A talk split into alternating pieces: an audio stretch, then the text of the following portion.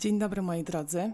Ja mam na imię Paulina, a w sieci działam jako motywatorka, gdzie zajmuję się szeroko pojętym odchudzaniem. Dzisiaj chciałabym Was zaprosić na odcinek z udziałem gościa, a Waszym i moim gościem będzie Bartosz Janiszewski, psycholog, psychodietetyk i dietetyk. Zaprosiłam Bartka, żebyśmy mogli porozmawiać o odchudzaniu, o tym, dlaczego w ogóle decydujemy się chudnąć, jak patrzymy na ten proces, jak patrzymy na swoje ciało podczas procesu odchudzania. I sami zaraz usłyszycie, że wyszła z tego bardzo wartościowa i wielowątkowa rozmowa, która myślę, że może być dla Was drogowskazem podczas Waszego procesu. Nie pozostaje mi nic innego, jak Was po prostu serdecznie zaprosić do wysłuchania tego odcinka i życzyć Wam miłego odbioru. Cześć Bartek. Cześć Paulina. Bardzo się cieszę, że mogę Cię gościć w moim podcaście. Dawno Cię u mnie nie było i zakładam, że też e, spora część słuchaczy mogła nie słyszeć naszego wcześniejszego e, nagrania, gdzieś tam jak nagrywaliśmy w przeszłości. Dlatego proszę cię, przedstaw się i powiedz, czym się zajmujesz. Dziękuję bardzo za zaproszenie. E, gratuluję kontynuacji podcastu. Ja niestety nie mogę się pochwalić tym samym wyczynem, natomiast zmotywowałaś mnie do tego, żeby ponownie wrócić do nagrywania swoich również podcastów. E, także czuj się zaproszona. Jeśli chodzi o mnie, no to cóż, jestem z wykształcenia psychologiem oraz dietetykiem. E, poszedłem w kierunku psychodietetyki, psychologii zaburzeń odżywiania. Natomiast ostatnimi czasy również no, myślę, że tak, to takie bardziej subiektywne jest, natomiast mm, wyszedłem też ponad te moje takie strefy, które sobie założyłem, takie strefy bezpieczeństwa, jeśli chodzi o e, kwestię zawodową, no bo e, też jestem psychologiem pracującym obecnie również na NFZ e, w poradni zdrowia psychicznego i tam już no, siłą rzeczy poszerzyłem moją działalność, tak? Więc, więc tutaj ta psychologia żywienia rzeczywiście jest takim moim konikiem, natomiast również współpracuję z osobami, które po prostu borykają się z, no, z, z różnymi jednostkami chorobowymi, tak w skrócie. Jestem również mężem E, no, szczęśliwym mężem, szczęśliwym tatą. E, no i cóż, no. Nie wiem, czy mogę nazywać się youtuberem, podcasterem, no po prostu też mam takie, takie pasje właśnie jak tworzenie również materiałów i szerzenie e, tych treści właśnie w internecie, podobnie zresztą jak ty. Jak pierwszy raz trafiłam na ciebie w internecie, to pamiętam, że definiowałeś siebie jako psychologa odchudzania. Cudowna nazwa, mhm. myślę, że bardzo trafna. Powiedz mi, teraz, jak prowadzisz konsultacje, jak prowadzisz sesje z pacjentami, jak duży procent, znaczy nie musisz tego wyliczać oczywiście tam, wiesz, dokładnie, ale jak dużo pacjentek, będę głównie pytać o kobiety, przychodzi do ciebie z problemami z odchudzaniem, z nadwagą, z otyłością, z zaburzonym obrazem swojego ciała? Mhm.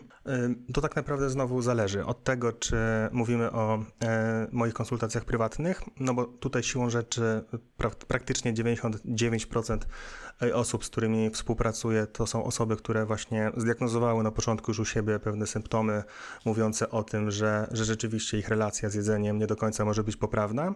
E, I wcale tutaj nie mówię tylko i wyłącznie o kwestii odchudzania. E, jakby czasami jest tak, że odchudzanie w ogóle jest najmniejszym problemem w całym tym mm, w całym tym procesie e, i on jest często efektem ubocznym, ale też jest spora grupa pacjentek, która tak naprawdę, jeśli chodzi o kwestię BMI, to, to jest wszystko w normie, natomiast w dalszym ciągu wiedzą o tym, że ich relacja no, nie jest do końca mm, najlepsza, jeśli chodzi o, mm, o jedzenie, natomiast miały ze sobą tysiące prób odchudzania i po prostu wiedzą o tym, że tu wcale nie chodzi nawet o to odchudzanie, tylko o to, żeby wreszcie przestać obsesyjnie myśleć na temat jedzenia.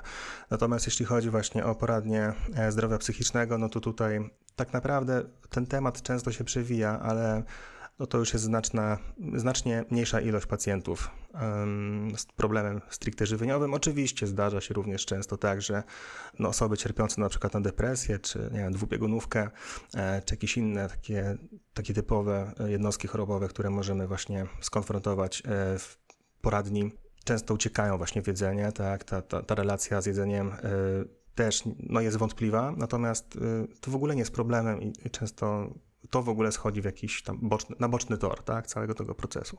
A skupiając się na y, pacjentkach, które zgłaszają się do ciebie z nadwagą, z otyłością, z problemami, mhm. które rosną dookoła jedzenia, czy obserwujesz coś takiego, że to są też osoby, które mają zaburzony obraz własnego ciała?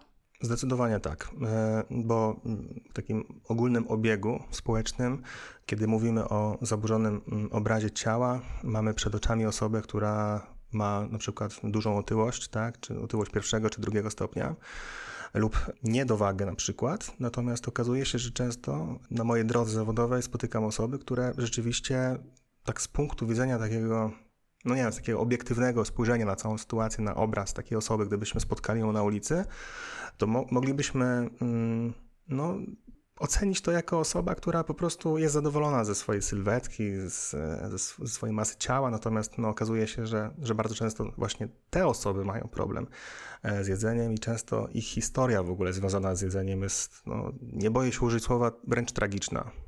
Czy zauważasz taką zależność, że osoby, które mają problemy z jedzeniem, z obiadaniem się, to są też osoby, które właśnie tak bardzo negatywnie patrzą na swoje ciało. Ja wspominam siebie z czasów y, otyłości takiej, wiesz, no, drugiego stopnia, jak nie gdzieś tam dobijającej do już takiej klinicznej, chorobowej. Ja wtedy nienawidziłam swojego ciała. Wyzywałam siebie codziennie, codziennie patrząc w lustro, patrzyłam i myślałam sobie, jesteś obrzydliwa, po prostu jesteś brzydka, nic nie warta. Czy spotykasz się z czymś takim? Zdecydowanie tak. Natomiast z drugiej strony też e, osoby, które właśnie tak jak wcześniej wspomniałem, mogą mieć prawidłową, e, teoretycznie prawidłowy, e, prawidłową wagę z punktu widzenia Body Mass Index, tak naprawdę mm, w momencie, kiedy pytam o to, y, jaka waga byłaby taką wagą, którą wreszcie mogłyby zaakceptować, no okazuje się, że to jest jakaś wyimaginowana liczba. Tak naprawdę idziemy w kierunku jakiejś utopii, bo, bo nie ma wagi, którą by były w stanie zaakceptować, bo tak po prostu już jest, że to, wynika bezpośrednio z poczucia niskiej wartości, a nie z samej wagi bo są też osoby, które mają y, nadwyżkę kilogramów, a tak naprawdę uwielbiają siebie, czują się dobrze w swoim ciele, mają partnerów, partnerki, które po prostu kochają ich e, i kochają ich ciało, no ale rzeczywiście też jest tak, że mm, komunikaty, które wystrzeliwujemy w siebie, e, jako osoby, które borykały się z, z otyłością, czy borykają się, no naprawdę są przygnębiające, że tak to określę. Także y, może też być tak, że z jednej strony ten, ten, wewnętrzny krytyk, o którym ty, Paulina, mówisz, y, to jest, to jest jedna sprawa, ale z drugiej strony też jest mocne etykietowanie ludzi, którzy borykają się z tematem otyłości. E, no i często, no myślę, że można nawet w internecie spotkać się z takim hasłem czy z hasłami typu, że osoba otyła to jest taka, która nie dba o siebie, osoba otyła to jest taka, która jest leniwa, która powinna się wziąć w garść i zacząć się ruszać. No, często jest tak, że kiedy zaczynamy rozmawiać na temat no, na przykład takiej aktywności, może nawet pozatreningowej, nietreningowej, no to są to osoby, które rzeczywiście mają mnóstwo ruchu, tak? No ale, mm, ale co z tego? Ale no daleki byłbym, byłbym od tego, żeby oceniać się przez pryzmat niedbania o siebie na przykład. Zgodzę się z Tobą i dopowiem nawet więcej. Oprócz tego takiego mitu krążącego dookoła osób otyłych, że są leniwe, że im się nie chce, że gdyby im się chciało, to by przecież mogły coś zmienić, to ja jeszcze się spotkałam z takim kobieta kończy się tam na, nie wiem, na 60 kilo. Hmm. Kobieta kończy się na rozmiarze 36. Mężczyzn też to dotyczy, ale zauważyłam, że pod kątem wzrostu na przykład, że tak. mężczyzna się tam zaczyna, nie wiem, od 1,80 m czy ile tam. Zmyślam teraz. Niemniej e, wyobrażam sobie taką pacjentkę, która nasłucha się tego, o czym my teraz mówimy, czy w sieci, czy na imprezie, czy gdzieś w rodzinie, chce schudnąć, ale zaczyna z takiego, wiesz, z takiego poziomu minus jeden, bo niby jest ta motywacja do działania, chciałaby coś zmienić, jest siła, ale jest tak, taka przyciśnięta takim głazem, że jest do niczego, że jest brzydka, obrzydliwa, leniwa, bo tak, takie właśnie komunikaty y, dostaje.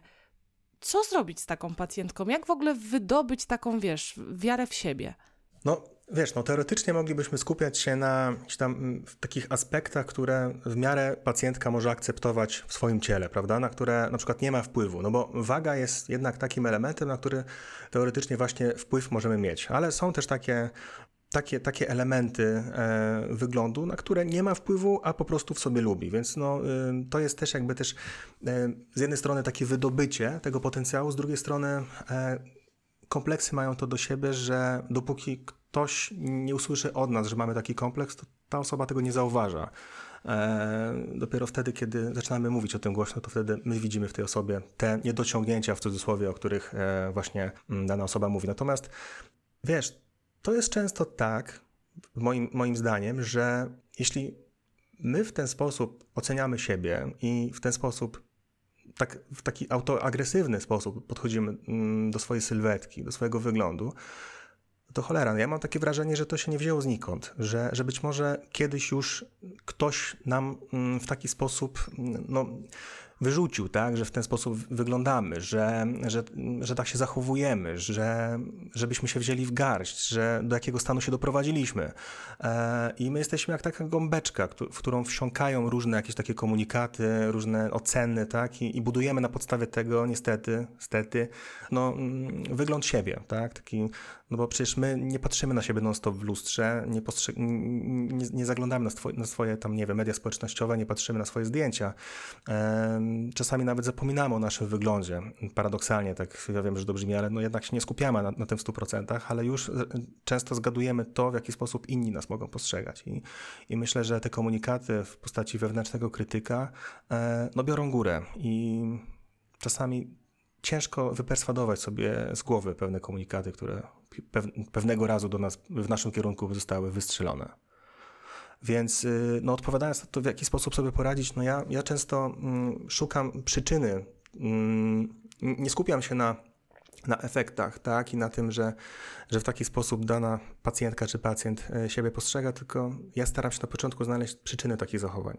Totalnie się z tym zgodzę, że to nie bierze się znikąd, że jesteśmy jak taka czysta kartka, kiedy się rodzimy i dopóki ktoś nie naniesie na tą kartkę właśnie takiego, wiesz, postrzegania ciała naszego, to my będziemy mogli żyć po prostu takim, wiesz, szczęśliwym życiem bez, bez naleciałości, że jestem taka, siaka i owaka. Niemniej wiem, jak wygląda życie, jak często wyglądają też relacje w rodzinie. I domyślam się, że osoby, które borykają się z otyłością, ba, ja się nawet nie domyślam, korzystając z własnego doświadczenia, mogę ci powiedzieć, że bywa tak, że słyszysz od najbliższych osób, od mamy, a to relacja, wiesz, kobieta, matka, to uh, można by książki pisać. Słyszysz od mamy, weź się za siebie. Do jakiego stanu ty się doprowadziłaś? Jesteś taka, siaka i owaka. I zostaje to wdrukowane. Dochodzimy do momentu, kiedy osoba, która mm, choruje na otyłość, zdaje sobie sprawę z tego, że oho, tu jest ten moment, kiedy mi to zostało wdrukowane. No dobra, ale co dalej? Ja już wiem, że to na przykład moja relacja z mamą nie poszła tak, jak y, miała pójść, ale jak ja mam teraz na tym pracować? Tak, to jest bardzo, bardzo ważne pytanie, y, bardzo ciekawe pytanie i nie ukrywam, że może odpowiedź moja nie będzie zbyt zaskakująca, ta pierwsza odpowiedź, o której powiem, ale ja uważam, że kluczem jest po prostu terapia.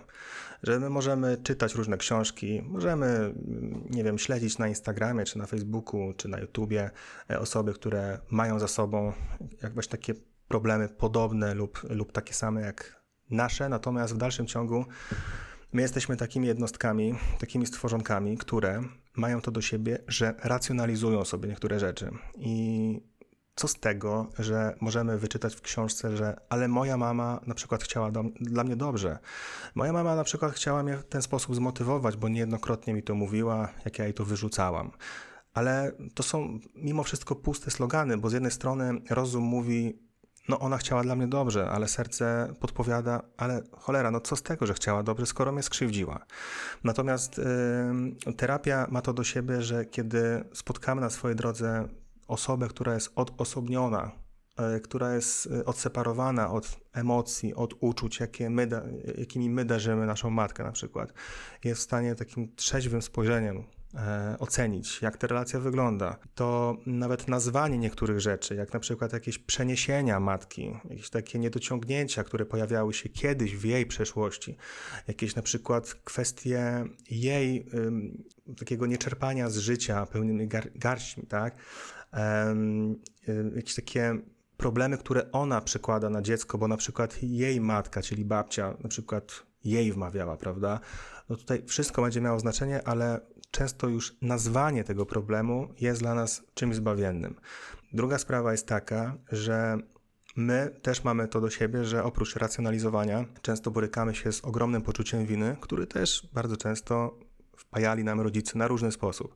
Często świadomie, często nieświadomie. Natomiast ja pozwolę sobie na swoim przykładzie, y, właśnie wyciągniętym z mojej terapii, bo też na terapię y, swoją uczęszczam, y, pozwolę się podzielić właśnie takim, taką sytuacją, która no, dla mnie też była z jednej strony, jak ktoś usłyszy, może czymś banalnym, ale z drugiej strony dla mnie też takim bardzo pouczającym, bo ja mm, przez dłuższy okres mojego czasu e, borykałem się z łysieniem. Strasznie mnie to wkurzało, to był taki mój kompleks. I z jednej strony te włosy były praktycznie całe, całe życie, ale z drugiej strony z roku na rok coraz bardziej mnie to wkurzało i miałem takie ciągoty do po prostu ogolenia się na łyso, ale z drugiej strony, jak to stereotypowo byśmy na to spojrzeli z punktu widzenia społeczeństwa, istnieje takie przekonanie, że łysy to bandzior, chuligan, dresiarz i tak dalej. I ja właśnie miałem tak, że serce mi podpowiadało, weź ty się ogólna łyso, po prostu będziesz miał spokój, e, nie wyglądasz jakoś źle, lubisz siebie, jest ci wygodnie, e, możesz zakładać czapkę, ale z drugiej strony pojawiały się komunikaty, na przykład wystrzelone e,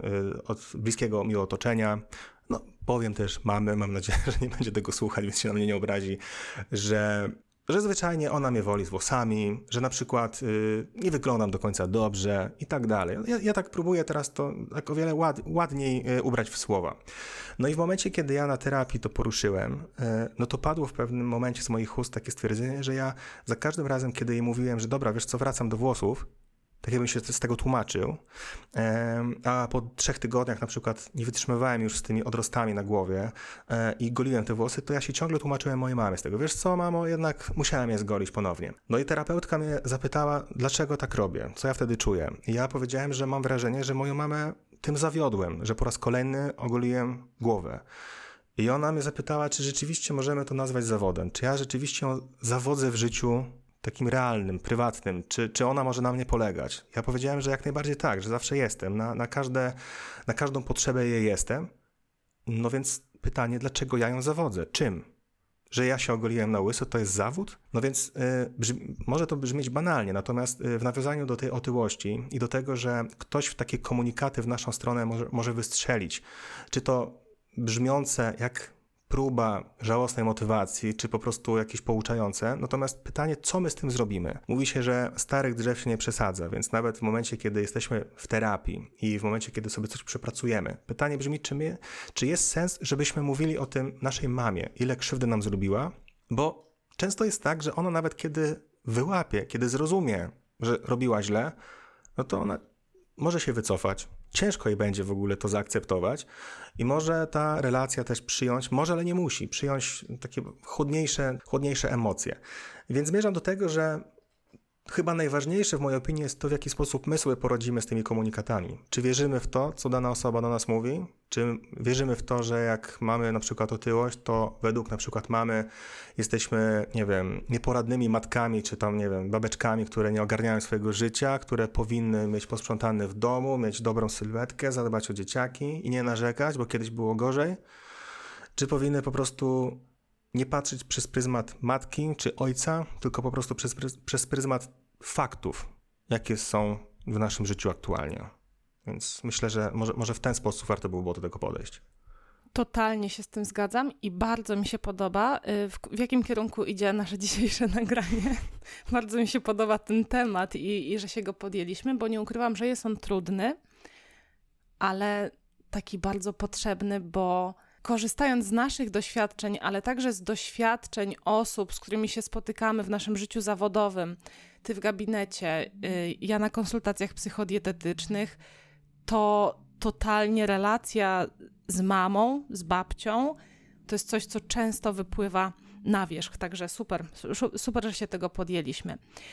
Okay. wiemy już, gdzie można pogrzebać. Wiemy, że samemu można grzebać, ale często zalecenie jest takie, żeby pogrzebać z terapeutą i go for it. Jeżeli ktokolwiek się zastanawia nad terapią, to to jest świetny pomysł. Niemniej jesteśmy ludźmi dorosłymi, którzy chcą się podejmować zmiany Jak w życiu codziennym można sobie ułatwić tą pracę, żeby, wiesz, móc iść do przodu i nie odchudzać się, nie budować y, y, zdrowych nawyków na takim rusztowaniu, jestem beznadziejna, gruba, obrzydliwa, tylko wiesz, do przodu, na bardziej takim pozytywnym wajbie. Mhm. No to jest też ciekawy wątek, wiesz, bo mm, ja ostatnimi czasy mm, może teraz już nie aż tak bardzo, ale kiedyś przyglądałem się bardzo mocno e, właśnie ciało pozytywności, temu, że spora część osób w pewnym momencie zaczęła trochę mm, nie do końca dobrze z mojego punktu widzenia na to patrzeć, że niektóre osoby mm, jakby otrzymały takie przyzwolenie na to, że no dobra, to już nic nie muszę z tym robić, a w dalszym ciągu zapominamy o tym, że no, otyłość jest chorobą, tak? I z drugiej strony często jest tak, że mamy takie fale wznoszące i później niewznoszące, takie, takie że czasami po prostu mamy już w dupie totalnie to odchudzanie, już mamy dość tego, a z drugiej strony yy, po prostu chcielibyśmy coś zmienić, ale nie wiemy jak. I wiesz, ja mam wrażenie, że warto mówić na temat takiej normalności, yy, nawet w kontekście właśnie odchudzania, że, że kiedy ja na przykład przypominam sobie swoje odchudzanie i założę się, że ty miałaś tak samo, to nie było aż takiego natłoku informacji. Nie było wszystkich tych papmedowskich. Ja wiem, że to jest super, ja wiem, że to jest fajne, ale y, niestety większość osób gdzieś te papmedowskie doniesienia, co jest lepsze, czy oliwa z oliwek, czy olej kokosowy i tak dalej, i tak dalej. Ja mam wrażenie, że zapomnieliśmy o takich kanonach po prostu tego, że rzeczywiście po prostu trzeba wziąć odpowiedzialność za to, że się doprowadziło do takiej sytuacji. I oczywiście, że, że z jednej strony to jest tak, że no my sobie nie stworzyliśmy warunków, które mogłyby nam pozwolić na to, że mamy na przykład tylko obowiązek jedzenia czysto i poruszania się, bo może w wieku, nie, nie wiem, 20 czy 18 lat tak mogło być. Natomiast mamy teraz mm, zupełnie inne jakieś takie obowiązki, inne otoczenie, często niesprzyjające, tak? Właśnie jak nowa rodzina, w, którą, w, którą, w której jesteśmy. I moim zdaniem warto by było właśnie podjąć taką, takie działanie w kontekście odpowiedzialności za siebie, w sensie, że jak przychodzą do mnie na przykład pacjenci, to mówią, ja już byłam na każdej diecie i co pan wymyśli, to ja to biorę i po prostu się odchudzam, co to będzie, to nieważne. Po prostu jest pan ostatnią deską ratunku. I moim zdaniem to nie jest do końca dobre rozwiązanie, ponieważ znowu oddajemy działania e, swojego życia, swojej odpowiedzialności w życie kogoś innego. I co jeśli się nie uda? No to wtedy będziemy mieli na przykład pretensje nie do siebie, tylko do dietetyka. A co jeśli się uda? No to wtedy będziemy twierdzić, że to dietetyk nam pomógł, a nie my wzięliśmy sprawy w swoje ręce, tak? Bo dietetyk jest tylko jakąś tam, jakimś tam procentem całego działania. Więc po pierwsze właśnie odpowiedzialność za to. Po drugie, moim zdaniem warto byłoby wreszcie dopasować dietę i styl życia do swoje, no, dietę i styl żywienia do swojego życia, a nie odwrotnie. Bo większość osób niestety nie analizuje tego, że ona na diecie ketogenicznej nie będzie zbyt długo, bo na przykład wszyscy wokół w rodzinie jedzą bułki, ziemniaki, nie wiem, kaszę, ryż. Natomiast z drugiej strony tutaj nagle koleżanka z pracy schudła na przykład na diecie ketogenicznej, więc warto by było, po pierwsze. A po drugie, jeśli chodzi o ruch. Dlaczego y, od razu idziemy w takim kierunku skrajności, prawda? Że, że jak się biorę, to mm, za wszystko naraz, czyli i dieta, i ruch, i morsowanie, i medytacja, i język angielski, i w ogóle, i w ogóle taki.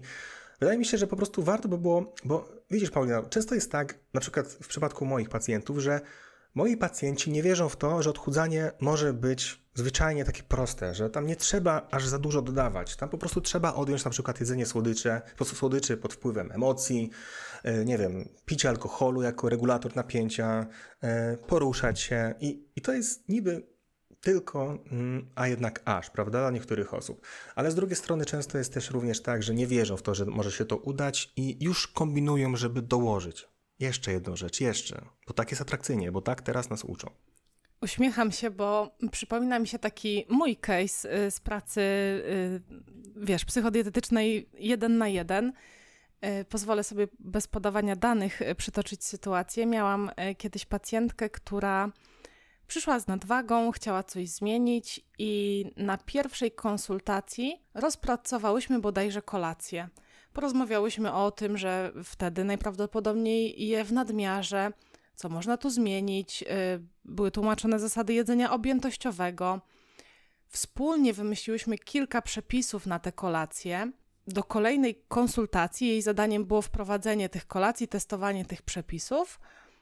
Wiesz, zanim na początku człowiek zebrał cały wywiad, zanim doszłyśmy do tych e, wszystkich rzeczy, 60 minut minęło, przyszedł czas na pożegnanie. I ona po tej pierwszej konsultacji, już tam wiesz, kilka miesięcy później, powiedziała mi, że po pierwszym spotkaniu pomyślała sobie: I co, to tyle? To ja się po to zgłosiłam, żeby kolację sobie, wiesz, ustabilizować. Oczywiście potem robiłyśmy i obiady, i śniadania, przerabiałyśmy też masę innych spraw. Niemniej, czasami tak jest rzeczywiście, że trzeba zacząć robić mało, małymi krokami i cierpliwie poczekać na efekty, bo dzięki temu, że będziesz działać w zgodzie ze swoimi zasobami, ze swoim stylem życia, tak jak wspomniałeś, to masz szansę dłużej w tym wytrwać, powolutku sobie zmieniać i doczekać się tych efektów. Pacjentka schudła, słuchajcie, schudła 12 kg, także cieszy się dzisiaj, Super. mam nadzieję, bo dawno nie rozmawiałyśmy, e, cieszy się życiem bez nadwagi, a zaczęłyśmy od takich małych kroczków, także mm, kompletnie się podpisuję pod tym, co powiedziałeś. Jeszcze pozwolę sobie dodać takie stwierdzenie, że celem jest postęp, a nie perfekcja. Więc może o to też chodzi w tym wszystkim. Bardzo trafne. Celem jest postęp, a nie perfekcja. Do zapamiętania. Powiedziałeś wcześniej e, takie zdanie, że wziąć odpowiedzialność za mm, stan, w którym się znaleźliśmy. Ja na tym bym się chciała skupić, bo myślę, że nie chodziło ci o to, żeby wziąć odpowiedzialność za to, że na przykład jestem osobą otyłą, bo na to mogło mieć wpływ bardzo dużo czynników i na przykład w dzieciństwie mogły być osoby, które były za to odpowiedzialne, żeby zbudować w nas takie, a nie inne nawyki, ale za tym, co powiedziałeś, jest właśnie taki fajny moment w życiu człowieka, kiedy mówimy sobie: było co było, tak mnie ukształtowało środowisko, tak mnie skrzywdzono być może, ale ja teraz mam szansę zbudować to wszystko na własnych zasadach, bez tych naleciałości, bo już jestem świadoma błędów, jakie popełniono, na przykład w moim dzieciństwie. Zdecydowanie zgadzam się i może zabrzmiało to negatywnie, jak powiedziałem po raz pierwszy, że warto byłoby wziąć za swoje życie, natomiast dobrze i mega Ci dziękuję za to, że mnie poprawiłaś, w sensie, że rozwinęłaś to. Rzeczywiście, właśnie w mojej opinii ta odpowiedzialność za życie odnosi się do właśnie świadomego podejścia do swojego życia i przyjmowania właśnie takiej kontroli nad wyborami, nad działaniami, nad ich konsekwencjami, bo, bo właśnie mam takie też poczucie, że często kiedy wchodzimy w jakąś konkretną, nową dietę, często w jakąś tam właśnie stworzoną na poczet, nie wiem, kolejnych trendów, to mam wrażenie, że cała nasza kontrola skupiona jest właśnie na działaniach diety, na, na, na trzymaniu tej diety w ryzach, zapominając w ogóle o, o y, otoczeniu, które też jest tutaj, jakby nie patrzeć, nieodzownym elementem całej tej układanki, no bo Możemy w pewnym momencie mieć takie poczucie, że sobie damy radę, natomiast z drugiej strony po kilku dniach okazuje się, że, no, że nie, że, że jednak mąż chce coś innego jeść, że dzieciaki chcą coś innego jeść, że są wesela, komunie. E, I tak naprawdę, jakby nie patrzeć, to zawsze są jakieś albo imprezy okolicznościowe, które nie będą sprzyjać całemu przedsięwzięciu, albo nie trzeba w ogóle mieć imprez okolicznościowych, żeby po prostu mieć wszystkiego dość, siąść sobie z kawałkiem ciasta na przykład, czy tabliczką czekolady i się po prostu najeść. Więc ja właśnie tutaj poniekąd miałem to na myśli mówiąc, że odpowiedzialność za to, że no, ja już nie mam naście lat, że jednak to życie zupełnie inaczej wygląda i to, że nie wychodziło mi do tej pory, nie oznacza, że jestem jedną wielką porażką, tylko po prostu oznacza, że nie do końca dobrze... Mm, dopasowała model żywieniowy do mojego życia. E, więc bardziej to miałem na myśli właśnie.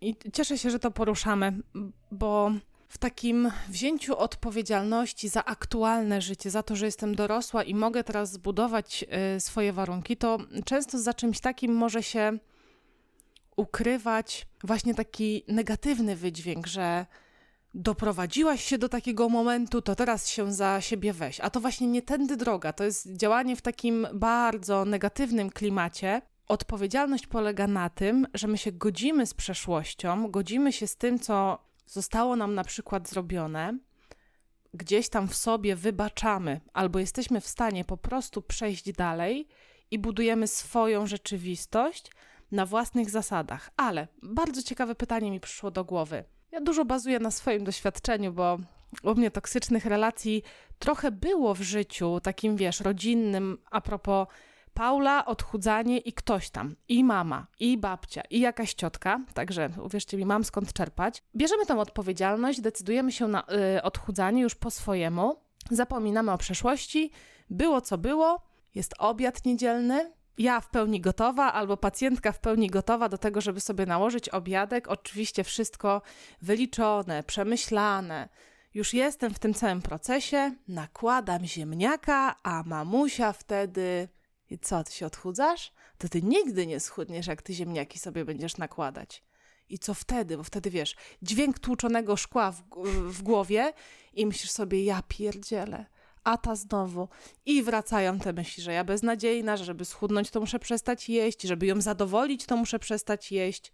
Jak sobie w tym poradzić, kiedy już jesteśmy w procesie, już dorośli ludzie? Mm, no bo zauważ, że w tym przypadku oba scenariusze y, są niepoprawne z punktu widzenia twojej mamy. Y, w sensie mówię o tej wy, wyimaginowanej sytuacji, że z jednej strony weźmiesz te ziemniaki, no to będzie o, ale dieta, z drugiej strony nie weźmiesz ziemniaków, to powie, o, ta znowu na diecie. I tak i tak będzie problem, będzie zgrzyt. I moim zdaniem warto będzie znów posłużyć się przykładem z mojego z kolei życia, w momencie, kiedy właśnie jeszcze dodatkowo właśnie poszedłem do poradni pracować i skończyła się sielanka w postaci tego, że e, mogę pracować z domu, mogę więcej przebywać z córeczką, tylko zaczęło się też wychodzenie do pracy. Mm kilka dni e, w tygodniu, na przykład nie wiem, po 8-9 godzin. I moja córka y, nie była do tego poniekąd przyzwyczajona. Wiedziała, że pracuje, ale w razie czego jestem za ścianą i możemy porozmawiać. E, albo się pobawić, cokolwiek. Mm, I pamiętam, że był ogromny bunt. I zawsze, kiedy wychodząc, mówiłem: Tosia, no chodź, no daj dzióbka to ona się zaczęła na mnie obrażać i mówić: Nie, idź już, idź już. I pamiętam, że też mnie to wkurzało, bo miałem poczucie winy w sobie, że w ogóle o co ci chodzi, dlaczego tak się zachowujesz, myślałem sobie i, i też, sobie, też sobie czasami myślałem, że jeszcze, zatęskni, jeszcze zatęsknisz i zobaczymy wtedy. Um, I też pamiętam, że na terapii poruszyliśmy ten wątek i też doszliśmy do wniosku, że to nie w tym rzecz. Doszliśmy do wniosku, że to powinno być pełną akceptacją. Powinna być pełna akceptacja tego, że ma prawo moja córka czuć takie emocje. Po prostu ma prawo. I to w ogóle też był dla mnie game changer. I dlaczego o tym mówię? Dlatego, że mm, to w ogóle totalnie od razu zmieniło e, zasady gry, a, a, a z drugiej strony, kiedy pomyślałem sobie o tym, że każdy ma prawo czuć jakieś emocje i one się tam skądś biorą, to doszedłem do wniosku, że w momencie, kiedy taka sytuacja by miała miejsce lub miała miejsce, bo bardzo często zdarzały mi się właśnie w takich relacjach bardzo bliskich, nie mówię o e, relacjach właśnie z żoną, tylko bardziej właśnie z rodziną, taką pierwotną rodziną, to we mnie się coś uruchamiało.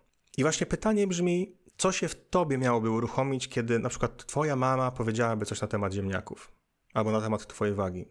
O co tobie chodzi. Bo to, że ona mówi, to ona zawsze będzie gadać. Zawsze coś mówiła, zawsze cię porównywała, zawsze oceniała, zawsze mówiła na temat ocen, na temat tego, że dlaczego nie trójka, nie czwórka. Dlaczego nie, tak jak, nie wiem, Ola, piątka, może nie studia tylko te, może tamte. Widzisz, gdybyś poszła na to, to by było lepiej. Gdybyś wybrała tego męża, to by było lepiej. Jak te dzieci są rozpieszczone i tak dalej, i tak dalej. Natomiast coś się w tobie uruchamia. Pytanie teraz co? I myślę, że mm, kluczem do tego będzie, żeby odpowiedzieć sobie na to pytanie, będzie sama obserwacja i przyjrzenie się swoim emocjom. Bo jeśli coś się w tobie uruchamia, to być może nie jest to złość, bo pierwsze, co nam przyjdzie do głowy w momencie, kiedy ja o tym mówię, no to być może pojawi się, no cholera, no, no co się może pojawiać? No wkurzyła mnie mama albo teściowa, no to czuję złość, na co mam czuć? A może rzeczywiście to nie jest złość do końca, a może to jest poczucie winy, a może poczucie niskiej wartości. Prawda? I, i w momencie, kiedy zaczniesz jakby z tymi emocjami przebywać, odpowiadać sobie na te, na te pytania, co ja czuję, dlaczego, odkąd tak czuję, o co mi chodzi, to być może też dojdziesz za pomocą jakiejś tam analogii, odpowiedzi do tego, co ona w tobie uruchamia tak naprawdę. Cokolwiek by to nie było, złość, smutek, frustracja, poczucie winy, co ja mogę zrobić na takim niedzielnym obiedzie? Co mogę powiedzieć, żeby jednocześnie nie wybuchnąć i nie powiedzieć tak, bo ty zawsze mi zakazywałaś, to przez ciebie jestem gruba, sama jesteś mhm. gruba i tak dalej, i tak dalej.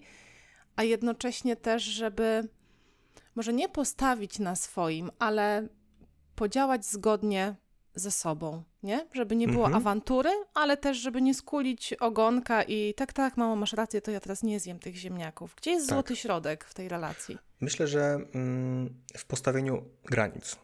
E, Co się kryje za tym enigmatycznym pojęciem? No, mianowicie to, że mm, po pierwsze, ja bym nie wchodził w ogóle w jakąś gierkę z mamą pod tytułem kajanie się i no dobra, masz rację, rzeczywiście. Po drugie, w momencie, kiedy y, może być taka sytuacja, że mama na przykład wyskoczy z serniczkiem zaraz i tak dalej, też może być różna e, dalsza gierka pod tytułem no zjedz, co ci szkodzi, nie będziesz się ciągle odchudzać.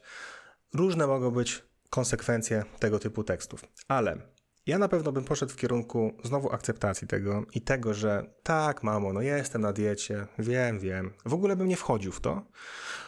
A jeśli ktoś szuka konkretnego tipu na to, w jaki sposób na przykład odmówić mamie, bo y, czujemy poczucie winy z tego tytułu, że na przykład ona za chwilę po obiedzie y, zaserwuje nam serniczek albo szarlotkę, to w mojej ocenie jedynym słusznym tipem, może nie jedynym, ale dobrym tipem na to jest odpowiedzenie, wiesz co, robiłam ostatnio badania i glukoza mi wyszła podwyższona i nie mogę.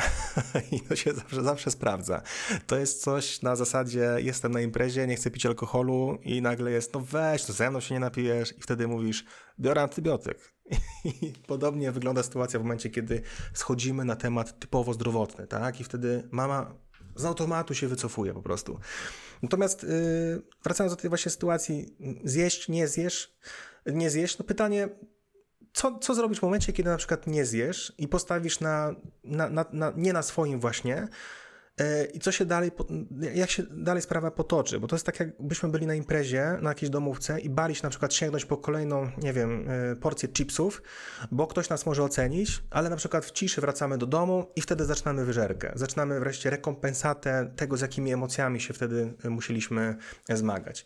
Pytanie właśnie, czy jest sens wchodzić w jakąkolwiek debatę, w jakiekolwiek kajanie się i tłumaczenie, mamo, no jestem na diecie, no ale przecież gotowane ziemniaki nie mają tyle kilokalorii, co e, tłuszcz, którymi i, i tak dalej, i tak dalej, tak? Tylko po prostu, no tak, jestem na diecie, no ale mam ochotę na ziemniaki, bo robisz pyszne ziemniaki, cokolwiek, tak? Ym, Po prostu, żeby, żeby po prostu skrócić ym, całą dyskusję. Tak, totalnie, totalnie się z tym zgodzę i nawiążę jeszcze do tego, mm, że nie jem cukru, bo robiłam glukozę i wyszła za wysoka. Zwłaszcza w pokoleniach wyżej działa właśnie biały fartuch. Tak jest. Cokolwiek lekarz nie powie, to, to jest duży respekt właśnie ze strony e, tych starszych pokoleń. Taki protip też dla rodziców, jeżeli chcecie y, ograniczać dzieciom słodycze i na przykład, nie wiem, macie roczniaka albo dwulatka i babcia tam leci z kinderkami i już chce y, częstować wnusie czy wnusia, no to zamiast mówić mamo, nie, jeszcze nie czas. Ja uważam, że jeszcze dziecko nie powinno jeść y, wysoko przetworzonych słodyczy, no bo wtedy może powstać dyskusja. To wtedy jest najlepiej powiedzieć właśnie, że pediatra zabronił, albo dziecko ma zatwardzenia i nie może takich rzeczy więc super. Y, Super jest to metoda. Niestety często się wiąże z kłamstwem oczywiście, no ale tutaj zadajmy sobie pytanie, co jest gorsze? Czy wchodzenie w dyskusję, bitwa i próba udowodnienia przez nasze mamy, teściowe, babcie, że to one mają rację, czy jakaś taka ucieczka w małe kłamstwo? Wiesz co, co do tej sytuacji z ziemniakami, myślę, że super, że w ogóle mm, naświetliłeś to, że żaden scenariusz nie będzie zadowalający. Nałożysz sobie ziemniaki? Źle. Oczywiście ziemniaki są symbolem tutaj, też nie przywiązujmy się do nich, ziemniaki są super, ale czy to będzie właśnie ciasto jakieś po obiedzie, czy ziemniaki, czy tłusty sos, czy makaron, nałożysz sobie źle, bo przecież się odchudzasz i powinnaś schudnąć, nie nałożysz też źle. Ja się napracowałam, ja tyle nagotowałam, ja to zrobiłam dla ciebie, kto to będzie jadł i tak dalej, i tak dalej. Więc w sumie nie ma wyjścia w działaniu, wyjście jest w nas. Ta odpowiedź na tą sytuację jest gdzieś w naszym zachowaniu i w naszej odpowiedzi. I wiecie, co działa?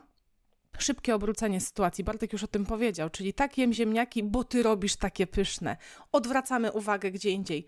Tak, mamo, jem ziemniaki. Słuchaj, a co to za kapusta, z której robi- zrobiłaś surówkę? Gdzie ją kupiłeś? Czy znowu na rynku u pani Basi? Szybka akcja, jest przekierowanie uwagi i możemy mieć większe prawdopodobieństwo tego, że towarzystwo odpierdzieli się od nas. Tym bardziej też, że e, często jest tak, że w rodzinie, no kiedy rozmawiam na przykład z pacjentkami na temat emocji, to na przykład jeśli chodzi o wyrażanie miłości, wyrażanie uczuć, jest problem z tym, żeby na przykład powiedzieć kocham cię mojej mamie. Mogę, mogę powiedzieć na przykład kocham cię mężowi, bez problemu mówię kocham cię mojemu dziecku, natomiast jeśli chodzi o emocje w rodzinie, ty, czytaj rodzice, mamy z tym problem i to kocham cię na przykład pada dwa, trzy razy w ciągu naszej y, życiowej relacji. I zmierzam do tego, że często ta miłość okazywana jest w zupełnie inny sposób. Nie słowami, tylko gestami. A mało tego, nie gestami stricte, ale też na przykład różnymi czynnościami, na przykład szarlotka, na przykład ulubiony obiad. I ta miłość często jest właśnie w jedzeniu. I my też y, przez takie nawyki, przez, y, przez modelowanie zachowań naszych rodziców, na przykład tego, że ugotowałam ci z okazji Dnia Dziecka twój ulubiony placek, który usmażyłam czy upiekłam, równa się kocham cię, tak? I, i, i być może y, tutaj też tkwi cały szkopuł, że, że często na takich imprezach yy, w niedzielę właśnie też nasza mama się stara i w momencie, kiedy yy, my na przykład odmawiamy, no to czujemy poczucie winy. Dlaczego? Dlatego, że ona się narobiła, ale ona też czuje smutek i trudne emocje. Dlaczego? Dlatego, że w inny sposób na przykład nie, nie, nie potrafi nam powiedzieć, że na przykład nas kocha, tak? Więc, więc tutaj też wchodzi w grę taka, taki aspekt typowo, taki psychologiczny. Bartek, a jak myślisz, kiedy dochodzi do sytuacji, że te scenariusze, które dzisiaj przytaczamy, nie są takie, hmm, no trochę lajtowe. Powiedzmy, że one, wiesz, to nie są najgorsze sytuacje, które mogą się wydarzyć przy stole. Kiedy one są bardziej hardkorowe, bardziej toksyczne, to czy dobrym rozwiązaniem jest odcięcie się od takich relacji? Tak. Nie będę tego rozwijał, bo ja po prostu dojrzałem do takiej decyzji, żeby tak powiedzieć po prostu, tak, że w mojej opinii, ja, ja nie wiem, jak ktoś inny by odpowiedział, jak inny, nie wiem, psycholog terapeuta, natomiast uważam, że czasami jest tak, że w niektórych relacjach się dusimy i, i po prostu nawet widzę po swoich pacjentkach, klientkach, że, że na przykład te relacje mm, z rodzicami są oschłe, ale nie tylko z naszej winy, po prostu też tak wyszło, tak? I natomiast e, na przykład spotkania są dwa razy do roku, tak? Czyli na Wielkanoc i na święta. Albo na przykład jeśli chodzi o rodzeństwo, często mm, poddajemy refleksji fakt, czy gdyby to nie była nasza siostra czy nasz brat, e, to bylibyśmy kolegami, koleżankami. Absolutnie nie. No właśnie, bo w ogóle się różnimy, tak? I w mojej ocenie Paulina, no nie wiem, no zabrzmi to trudno, ale uważam, że czasami warto się odciąć, jeśli czujemy, że e, niektórzy członkowie naszej rodziny są zwyczajnie naszymi wygaszaczami po prostu w życiu, że kiedy na przykład, no nie wiem, już w ogóle jakaś wyimaginowana sytuacja, znaczy nie, nie, do końca wyimaginowana, ale taka nie, nie dotycząca naszego dzisiejszego spotkania, ale na przykład, no nie wiem, no chcemy wyjść e, z tego schematu, jaki nam jest wpajany, że na przykład, nie wiem, no liceum, studia, ślub, tak, później dziecko i praca i emerytura, a my chcemy inaczej, no to jesteśmy na przykład, nie wiem, czarnymi owcami rodziny, tak, że jak nie jest pomyśli mamy czy taty, to już jest źle. No nie wiem, no chcemy, e, nie chcemy być w związku źle, nie chcemy dziecka źle, nie chcemy pracy, tylko chcemy firmę źle, no i tak dalej, tak, i Wydaje mi się, że po prostu jeśli jesteśmy takimi wygaszaczami i byliśmy całe życie, znaczy byliśmy z takimi wygaszaczami w rodzinie, no to moim zdaniem po prostu warto byłoby takie, mm, takie relacje ograniczyć. Zgodzę się z Tobą. Oczywiście to będzie zależeć od przypadku, ale rzeczywiście bywa i tak, że nie weźmiesz rodziny na terapię, a jeżeli będziesz próbować nawet coś przepracować w sobie i potem z tą pracą przyjdziesz gotowy na przebaczenie, rozmowę, to dowie, dowiesz się jeszcze gorszych rzeczy od siebie i może być totalnie, totalnie toksycznie, to tak, ja też bym była wtedy zdania, że odsuwamy takie relacje od siebie. Oczywiście też, wiecie, z takim poszanowaniem do całej sytuacji, nie tam wielkiej kłótni, bitwie i jakiś, nie wiem, podpaleniu domu, tylko tak, żeby działać też w zgodzie ze sobą. Poruszyliśmy dzisiaj bardzo ważny temat. Relacje z ludźmi, którzy nas kształtowali, bo mama, tata, dziadkowie to są ludzie, którzy nas kształtują do pewnego momentu. I niesamowite jest to, nie wiem, czy ty też masz taką refleksję, jak taka relacja może wpłynąć na rzecz, która no, wydaje się, że jest odsunięta w sumie od rodziny, jaką jest odchudzanie, nie? Ktoś ma 30 kilka lat, stwierdza, no dobra, chce zrzucić dychę na przykład i zaczyna grzebać, grzebać i okazuje się, że kompulsywne obiadanie zaczęło się wtedy, kiedy mieliśmy 6 lat, bo mama nie pozwalała nam odejść sto od stołu, dopóki nie zjedliśmy trzech dokładek, nie? A bywa i tak, prawda? Oczywiście. Tak, y, to jest ciekawe i wbrew pozorom, myślę, że i w Twoich y, współpracach jest podobnie. Jedzenie i w ogóle temat odchudzania i temat dietetyczny w pewnym momencie schodzi też na drugi plan, bo zaczynamy się przyglądać innym zupełnie rzeczom, które wbrew pozorom mają więcej wspólnego z całym procesem niż na przykład to, że nie jem ziemniaków albo je jem, prawda? I ja to często e, porównuję do takiej taką, taki, używam takiej metafory domku z kart, że, że kiedy jest ten domek z kart i mamy poczucie, że wszystko stoi e, i trzyma się ta, ta kompozycja, to w momencie, kiedy jedną z kart pociągniemy, to cały domek może runąć, tak? I, i, I, okazuje się na przykład, że jedną z tych kart jest na przykład praca, albo, albo na przykład właśnie mama, albo mąż, albo no, no, możemy tutaj naprawdę mnóstwo przykładów podawać, tak? Ale bardzo często jedno z drugiego wynika. I nam się wydaje, że coś, co jest stałe, jest spoko, ale pamiętajmy również o tym, że coś, co jest stałe, bywa kruche. Biorąc pod uwagę to, że słuchają nas osoby najprawdopodobniej i też w większości, które borykają się z nadwagą lub z otyłością, i biorąc pod uwagę to, że część z nich może mieć taką, a nie inną relację z opiekunami, takimi właśnie jak rodzice czy dziadkowie, albo mieli takie relacje w przeszłości, jakie rady byś zostawił im na koniec? Co byś chciał powiedzieć takiego, wiesz, i budującego, ale mm, dającego siłę na ten cały proces? Odpowiedziałbym sobie na pytanie, najpierw je zadał, dlaczego chcę schudnąć tak naprawdę, co się za tym kryje i czy daję sobie gwarancję, że w momencie, kiedy schudnę te wymarzone x kilogramów, to skończy się moja tułaczka z emocjami trudnymi, skończy się cała ta obsesja dotycząca jedzenia. Czy daję sobie taką gwarancję? Jeśli tak, to ok. Jeśli nie, to znaczy, że może nie chodzi w ogóle o odchudzanie. Może za odchudzaniem w ogóle kryje się coś innego.